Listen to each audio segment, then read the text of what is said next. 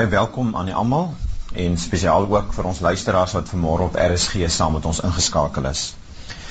Ek is Andrei de Villiers van Bramos Bediening in Mosselbaai in Pretoria en ek wil graag vanmôre met julle praat oor die belangrikheid van Christus of die grootheid van Christus sou mense ook kon sê. En ek wil dit doen aan die hand van Kolossense 1. Maar voordat ons dit doen, kom ons sing eers saam as ek stil word.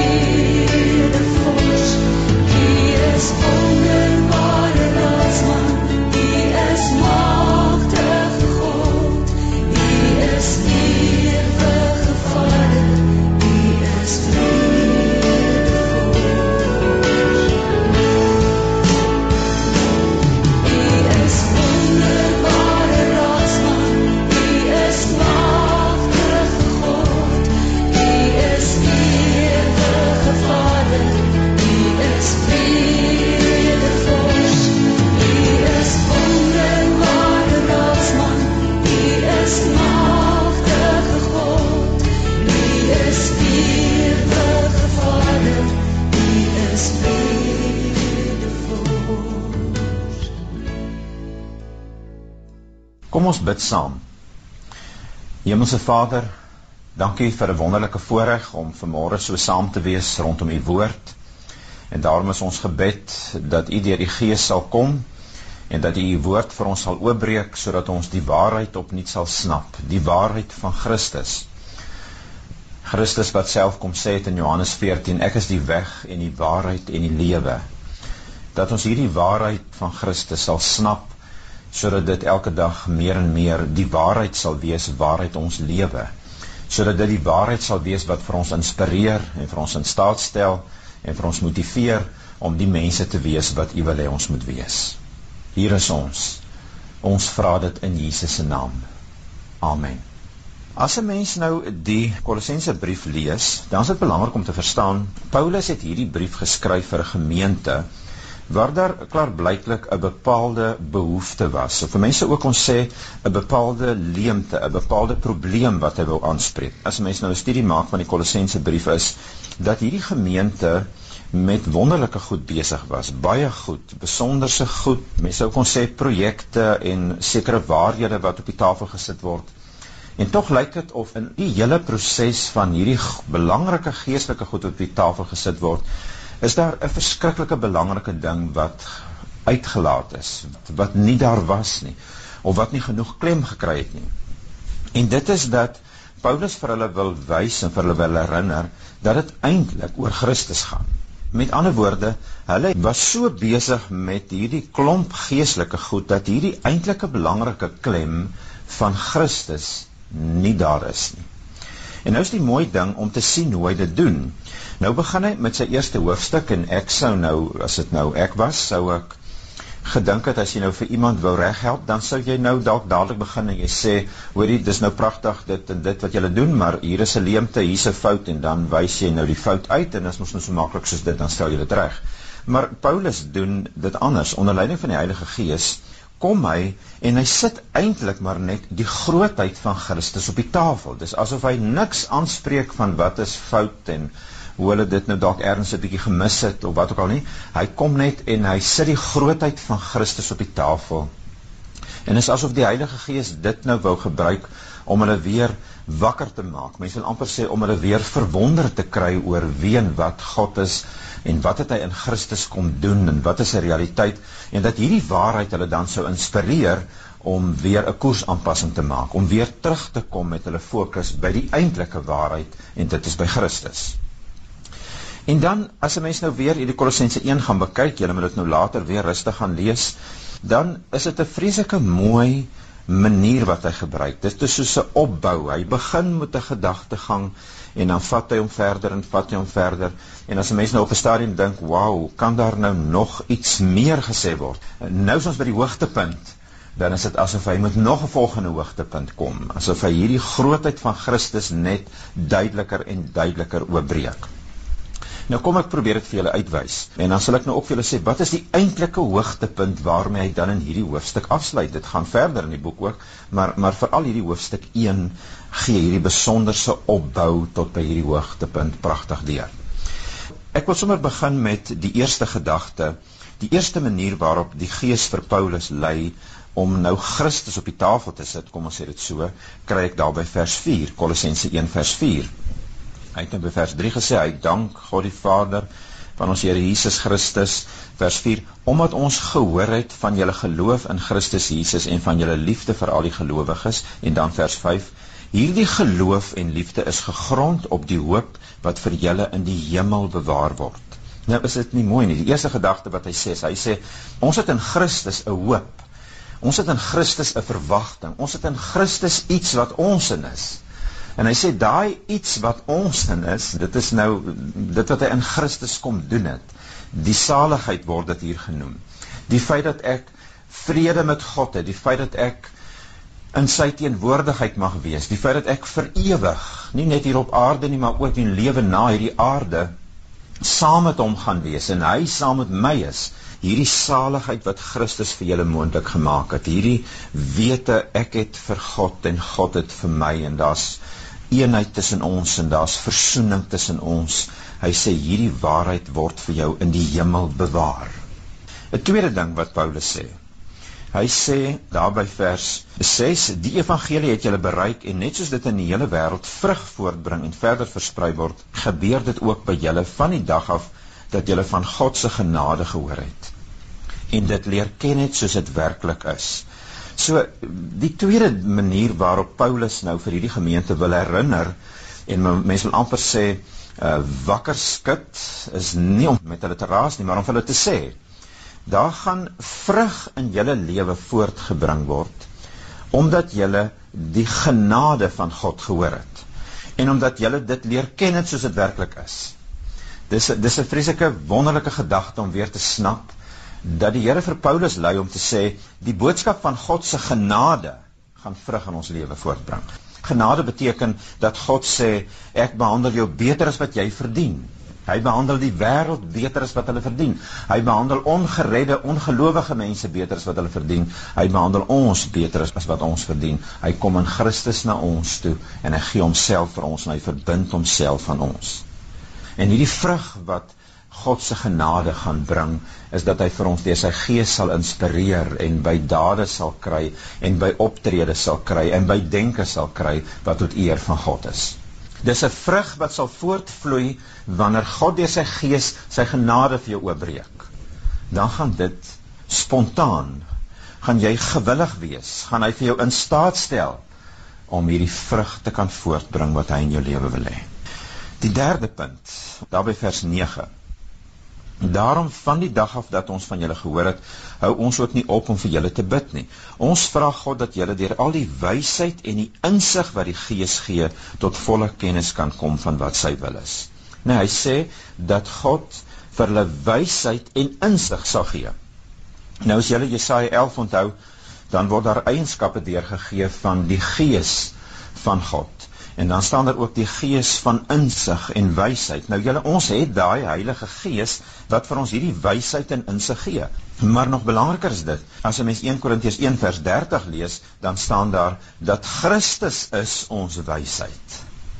So die Heilige Gees kom wat ons nou het, wat in ons is en by ons is, wil vir ons voortdurend herinner en vir ons help om te onthou dat die wysheid wat ek en jy nodig het om elke dag te leef en ons situasies te hanteer en belangrike besluite te neem, dat daai wysheid is eintlik 'n persoon. Dis Christus. Christus sal vir jou die wysheid gee. Jy kan dit vir hom vra.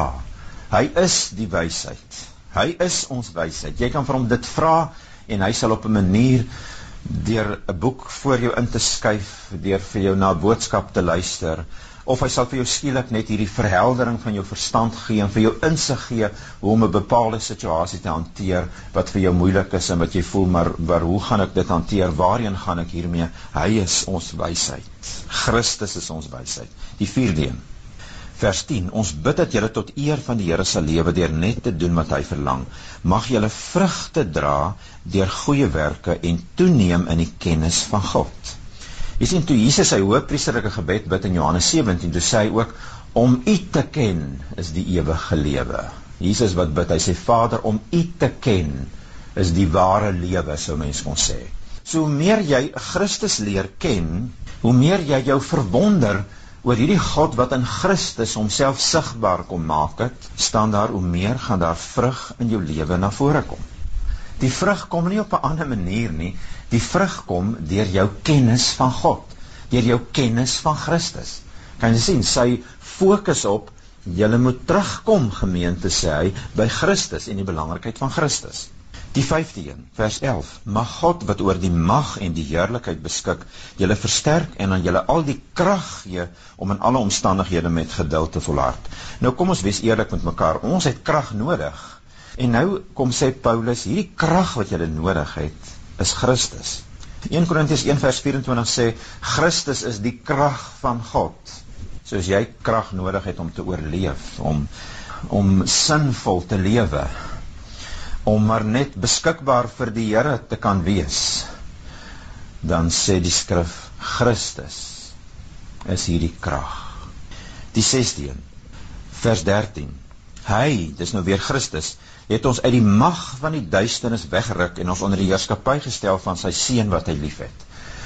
Die volgende waarheid wat Paulus vir hierdie gemeente wil deurgee en ook vir ons wil deurgee is, is hy sê dit is Christus wat ons weggevat het uit die ryk van die duisternis en ons in die ryk van die lig gesit het. Dis nie iets wat ons nog moet by uitkom en sekere voorwaardes waaraan ek moet voldoen en sekere vereistes in my lewe en sekere graad van heiligheid wat ek moet bereik en dan kan ek vir myself uh, dit toeëien en sê goed nou is ek seker daarom meer deel van die koninkryk van God of ek is daarom nou meer beskikbaar of gereed vir die ryk van die lig as wat ek was of is vir die ryk van die duisternis. Nee, hierdie skrif sê God het in Christus gekom en die dag toe hy Christus aan jou geopenbaar het en vir jou laat snap het dat Christus is jou verlosser en saligmaker en jy kan jou lewe totaal verlaat op hom. Daai dag het die waarheid gebeur dat hy jou uit die mag uit die ryk van die duisternis weggevat het en jou in die ryk van die lig gesit het. God se waarheid is dat hy sê ek en jy is deel van die ryk van die lig. Ons het 'n ander dimensie waaruit ons leef. Ons het 'n ander dryfkrag, 'n ander inspirasie Ons is draers van die lig, want ons is deel van die ryk van die lig.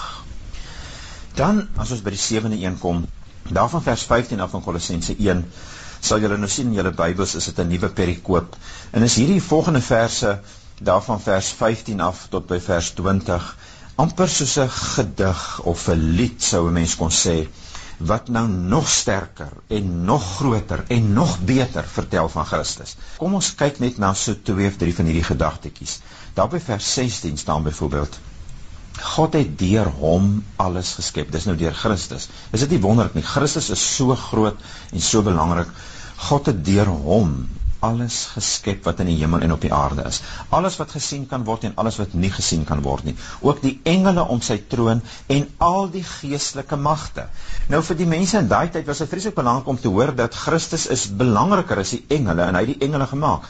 En was dit belangrik om te hoor dat hy ook die geestelike magte gemaak.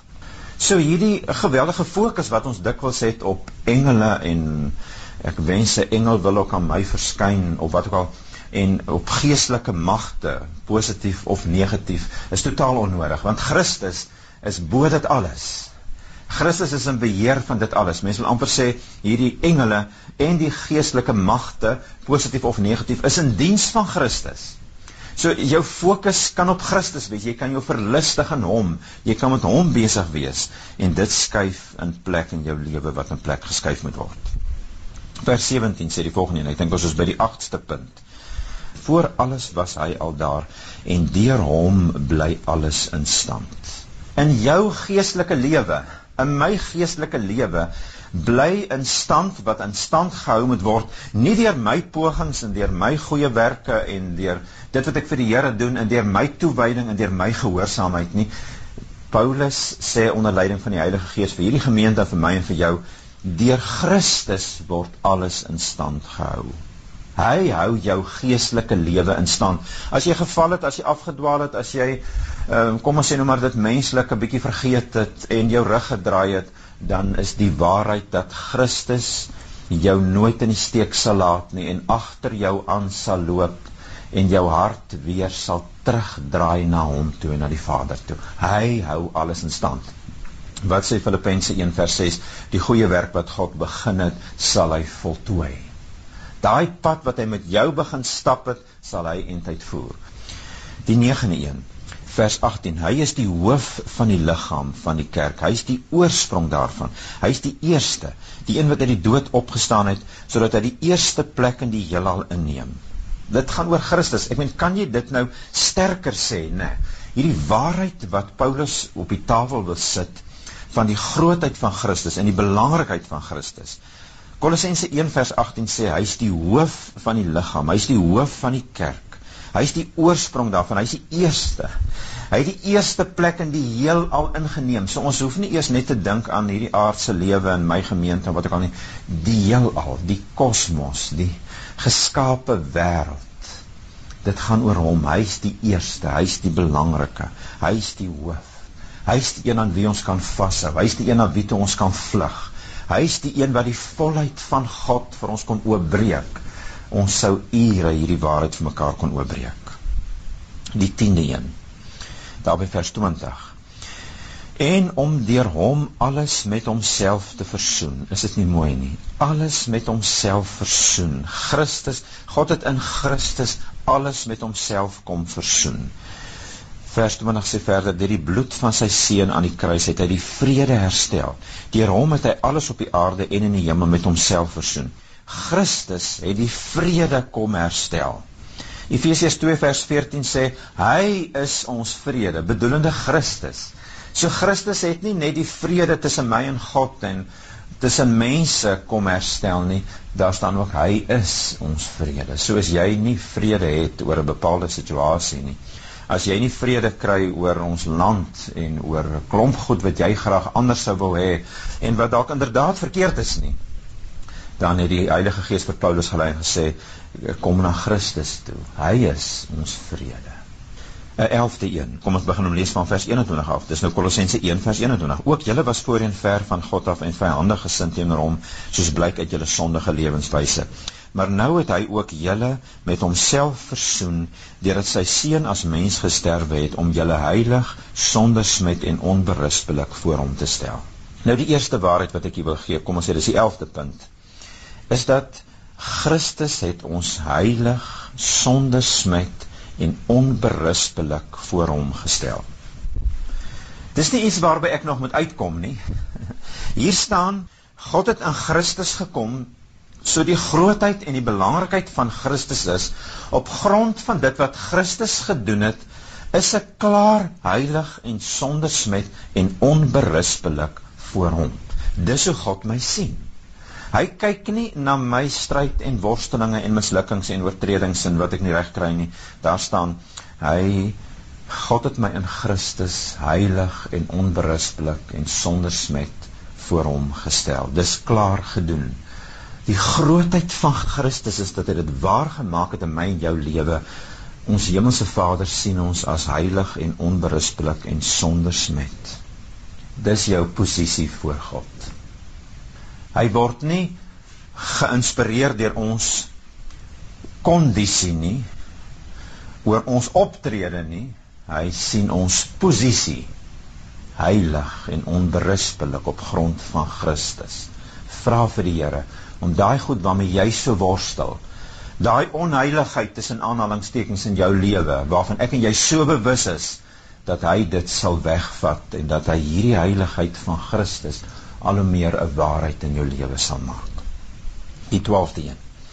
Vers 23. Maar dan moet julle vas en sterk bly staan in die geloof en julle nie laat losruk van die hoop wat in julle gewek is nie. Daar's 'n hoop in ons gewek En hy sê maar ek moet my nie laat losruk van daai hoop nie. Nou hoe laat ons ons losruk van daai hoop? Deur kort kort weer te besluit nie maar ek moet darm seker nou my kant bring en ek moet harder werk en ek moet harder probeer. En die oomblik as jy jou fokus weer op jouself sit en op jou optrede en op jou verdienste, laat jy jou losruk van hierdie waarheid van Christus van in hom het ek dit klaar en in hom is dit my eie en in hom kan ek maar net leef met hierdie waarheid. Daar's vrede tussen my en God. So Paulus sê vir die gemeente en hy sê vir my en vir jou, moet jou nie laat losruk van hierdie waarheid nie. Moenie val vir 'n lering of vir 'n boodskap of vir 'n boek of wat ook al wat vir jou sê. Hoorie, die antwoord is ons moet nou dit doen en ons moet nou hierby uitkom en ons moet harder probeer en ons moet met meer toewyding dit en ons moet nou hier staan moenie jou laat losruk van die waarheid wat God in Christus klaar in plek gesit het nie. Vra vir hom deur sy gees om vir jou telkens te herinner as jy weer met 'n eie poging wil kom, as jy weer met skuldgevoelens wil begin loop, as jy weer met 'n menslike poging vorendag wil kom om vir jou te herinner, daai goed beteken niks en dit gaan nie vir jou bevrede kry nie. Dit gaan nie vir jou by God kry nie. Hy het in Christus vir jouself homself al klaar aan jou verbind. Hy het ons kom soek en hy het ons kom vind en hy het homself aan ons verbind. En nou wil mense sê, nou kan daar nou nog iets wees. As as ons nou ons het nou maar so 12 goedjies uit hierdie massa goed in Kolossense 1 vir mekaar uitgewys. 12 goedjies so geïdentifiseer en jy kan baie meer sê in groter waarhede dalk ook nog op die tafel sit, maar dit is amper asof 'n mens wil uitroep nou kan daar nog meer wees. Is dit is dit nie wonderlik nie? En dan kom ons by vers 24 en verder van Kolossense 1 en dan kom hy by die eintlike hoogtepunt in. Dis asof Paulus wil sê, maar die eintlike waarheid nê, is dat hierdie groot Christus, God wat homself in Christus volledig kom gee het. God wat homself sigbaar kom maak in Christus. Hy sê en die groter waarheid, die grootste waarheid is is dat Christus nou in julle is, in my is en in jou is daar staan dit by vers 26 en vers 27 God het besluit en word gepraat van 'n geheim wat lank verborge was vers 27 God het besluit om aan hulle bekend te maak hoe seënryk en heerlik hierdie geheimenis vir die nasies is. En dan staan dat die inhoud daarvan is dubbelpunt Christus is in julle. Hierdie Christus wat so groot is is in ons God se geheim is Christus is in my en hy's in jou. Hierdie God wat alles in stand hou woon in my. Die Bybel sê ons is nou die tempels van God. So God se geheim, hierdie versie sê, Kolossense 1 sê vir hierdie gemeente, vir my en vir jou, God se geheim is ek en jy met Christus in ons. God se geheim vir herlewing. God se geheim vir 'n stikkende wêreld wat moet heel word. God se geheim vir ons gemeenskap waarin ons funksioneer. God se geheim vir jou huwelik. God se geheim vir herstel. Jy kan voorbeelde noem en voorbeelde noem wat jou behoeftes en wat jou gemeenskap se behoeftes en wat die behoeftes wat jy in die wêreld ervaar. Kolossense 1 sê God se geheim hiervoor. God se geheim vir jou is uit Christus in jou gesit. Nie 'n belangrike ding waarby jy moet uitkom, 'n sekere graad van toewyding en gehoorsaamheid en 'n sekere daad van myself beskikbaar stel nie. Daar staan dood eenvoudig God se geheim is Christus in jou. Nie jy nie. Nie jy met jou vermoëns nie.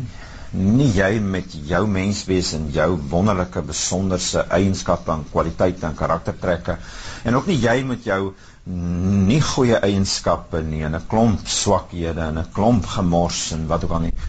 God se geheim is Christus in ons. So skep moed. Ek is God se geheim vir Suid-Afrika. Jy is God se geheim vir jou kring waarin jy beweeg, die wêreld waarin jy jou geplaas het, die gesin waarin jy geplaas het, die werkkring waarin jy geplaas het, die huwelik waarin jou geplaas het. God se geheim is hy sit Christus in ons en hy sê jy het alles wat jy nodig het om hier te funksioneer. Die gees van God moet vir jou lei in jou situasie wat hierdie waarheid vir jou beteken dat God se geheim, met ander God se antwoord, God se plan is Christus in jou. En nou is die belangrike ding dat ek en jy dat ek en jy dit sal glo. Ek wil nie bekommerd wees of ander mense dit glo en my bure dit glo en die ongelowiges dit glo en daai man en daai vrou en daai mense dit glo nie. Dit begin waar ek dit glo. God se geheim word 'n realiteit waar hy deur sy gees vir my help om te glo hy's in my en ek is sy antwoord. So herlewing begin waar jy dit glo waar ek dit glo. Want waar as ek hierdie waarheid begin glo dat Christus in my is en as jy dit begin glo, is dit die kragtigste evangelisasie proses wat begin het, die kragtigste evangelisasie projek wat hierdie wêreld ooit kon kry. Ek glo wat God sê wat waar is van my. Jy glo wat God sê wat waar is van jou. Net deur te begin leef met daai waarheid verander jy en verander jou huis en verander die wêreld om jou op 'n goddelike manier want dan vloei sy krag en sy waarheid en sy vrede en sy wysheid deur jou meeste van die tyd sonder dat jy dit toegenaamd weet.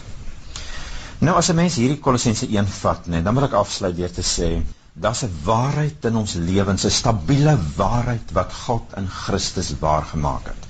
En wat het ons net toe daar gesê by Kolossense 1 vers 23? Ons moet in die geloof vas staan en ons nie laat losruk van hierdie waarheid nie. Ons moet vir die Here vra dat hy deur sy gees vir ons sal help dat ons nie losgeruk sal word van hierdie waarheid van dat hy is die stabiele faktor in ons lewe nie. Dis hy wat hierdie proses in ons lewe begin het en hy wat dit klaarmaak. So ek en jy het 'n stabiele faktor in ons lewe en dis God. Maar julle ons lewens is nie altyd so stabiel nie. Daar's fases in ons lewe, daar's seisoene sou 'n mens kon sê, daar's goed wat gebeur dat ek tye het wat dit vir my wonderlik goed gaan en is maklik om hier dan vas te hou. En kom ons sê dan gebeur daar dalk 'n krisis, ek verloor 'n dierbare, ek word siek, daar gebeur iets onvoorsiens met my. En 'n mens sou kon sê hierdie seisoenverandering in jou lewe of hierdie fase wat verander, dis asof dit die musiek in jou lewe is wat verander die musiek was nou op 'n bepaalde manier, dit was 'n bepaalde stuk musiek en jy het geleer om met daai musiek te lewe en nou kom daar 'n nuwe fase of 'n nuwe seisoen of 'n nuwe krisis en die musiek verander. En nou is die belangrike dat 'n mens aan onthou dit gaan nie oor die musiek nie wat verander nie, dit gaan oor die dans. As 'n mens die, die beeld gebruik, toe ek nou weer snap wat staan in Openbaring 3 vers 20 het hierdie gedagte by my wakker gemaak van Jesus wat sê ek staan by die deur en ek klop. As jy oopmaak sal ek saam met jou inkom en saam met jou feesmaal hou. Nee nie net eet nie feesmaal hou. Nou iets van feesmaal in Bybelse tyd is ook dans. Dat God met my en jou wil dans. Nie net wil nie. Dat hy in Christus kom en sê ek het uitgesorteer en ek het weggevat en ek het vrede gemaak en ek sien jou as heilig en onberispelik en en dan hierdie wonderlike beeld dat God sê ek wil met jou gemeenskap hê. Ek wil met jou dans in die lewe. Nou sê ek nou nou dans ons die goeie tye en dan kom daar die musiek verander. En dan s'ie vraag nou hoe dans ons nou nou dat die musiek verander? Het is ons fokus nou op die musiek? Sê ek ja man my situasie het verander en ek het hier gefaal en ek het dit verkeerd gedoen en ek het die Here hier gemis en nou sit ek in sak en as. Of vertrou ek die Here so vra ek vir hom dat hy deur sy gees vir my sal help om hom so te vertrou dat ek sal dans op die maat van hierdie nuwe musiek ook dat ek hom sal vertrou om vir my die nuwe passies te leer. Want miskien is ek nou alleen, miskien is ek nou nou dat my kinders nie is wat ek gedink hulle moet wees nie, nou dat my geld nie uitgewerk het nie of my huwelik nie uitgewerk het nie, nou dat ek my werk verloor het, dat hierdie musiek wat verander het, dat God vir my sal help dat saam met hom want hy is die dansmaat, my dansmaat. Dis nie my dansmaat is nie my vrou of my man of iemand vir wie ek respek het. Nee, hy is die dansmaat met respek gesê wat wat die passies van die lewe ken, wat weet hoe hy my wil laat dans en hoe hy my wil laat geniet en dat ek my kan oorgee en sê Vader, laat ek in hierdie nuwe seisoen met hierdie nuwe musiek in my lewe laat ek nou dans soos wat U wil hê ek moet dans. So dis asof die Here voor ons staan en sê hier's my hand, gee vir my jou hand. Vertrou my dat jy nie jou fokus op die musiek sal sit nie. Die musiek is belangrik, julle, dit speel 'n rol en ons emosies en ons omstandighede wat verander, dit speel 'n rol, maar dis nie die deurslaggewende rol nie. Die danser, God wat ons by die hand kom vat en sê, "Kom ek en jy dans nou op hierdie nuwe musiek." En dalk is dit musiek waarvan jy nie hou nie, maak nie saak nie. Dat God sê, "Sit jou hand in my hand en dan leer ek jou om in hierdie pyn situasie van jou, hierdie hartseer van jou, hierdie gemis van jou, hierdie geweldige krisis waarmee jy worstel. Kom, sit jou hand in my hand en dan onthou jy, dit gaan oor Christus. Hy is jou vrede. Hy is jou wysheid. Hy is jou krag. Ek hou deur hom alles in stand. Op grond van Christus is jy heilig en onberispelik voor my. En soos mense dit kon aangaan en hierdie Christus is nou in jou. Kom ek en jy dans dan word die lewe weer avontuur julle. Dan tel hy ons op. En ek wil nie jou krisis en jou pyn en jou hartseer minderwaardig maak en dink is nie belangrik nie, maar dis die enigste troos en die enigste oplossing wat ek en jy vir mekaar kan gee, is dat God sê, al verander die musiek in jou lewe. En dan is dit so 'n pynlike verandering dat 'n mens dit nie eens in woorde kan beskryf nie. Is daar net een troos en dis dat hierdie Skepper God, hierdie Vader, ons hemelse Vader voor ons staan en sê, "Gee jou hand vir my." en dan leer ek jou weer om te dans. Dan dans jy saam met my. Dis die enigste plek waar daar weer sin kan kom en hoop kan kom en krag kan kom. In jou ouderdom, in jou jonk wees, in jou krisisse, in jou goeie tye sit jou hand, sy hand want hy weet wat is die dans wat hy wil hê waarby jy moet uitkom. Kom ons praat met die Here. Vader, Dankie dat U vir hierdie gemeente kom herinner het van die grootheid van Christus, die belangrikheid van Christus. En dankie dat daarmee dit ook vir ons kom sê het en vir ons kom bevestig het dat dit oor Christus gaan en dat U vir ons sê hierdie Christus is nou in my. U geheim is, ek het Christus in my. U geheim vir my krisis of vir my hartseer of vir my pyn en vir my uitsigloosheid en vir die donkerte wat ek dink wat om my is. Al sê u het my uit die ryk van die duisternis weggevat en my in die ryk van die lig gesit.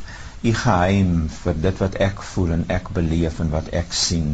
U geheim is. U sê u het Christus in ons gesit. Ek ons is u geheim ons met Christus in ons is u geheim vir hierdie wêreld kom, help U, maak U dit asseblief waar dat die lewe van Christus in en deur my sigbaar word.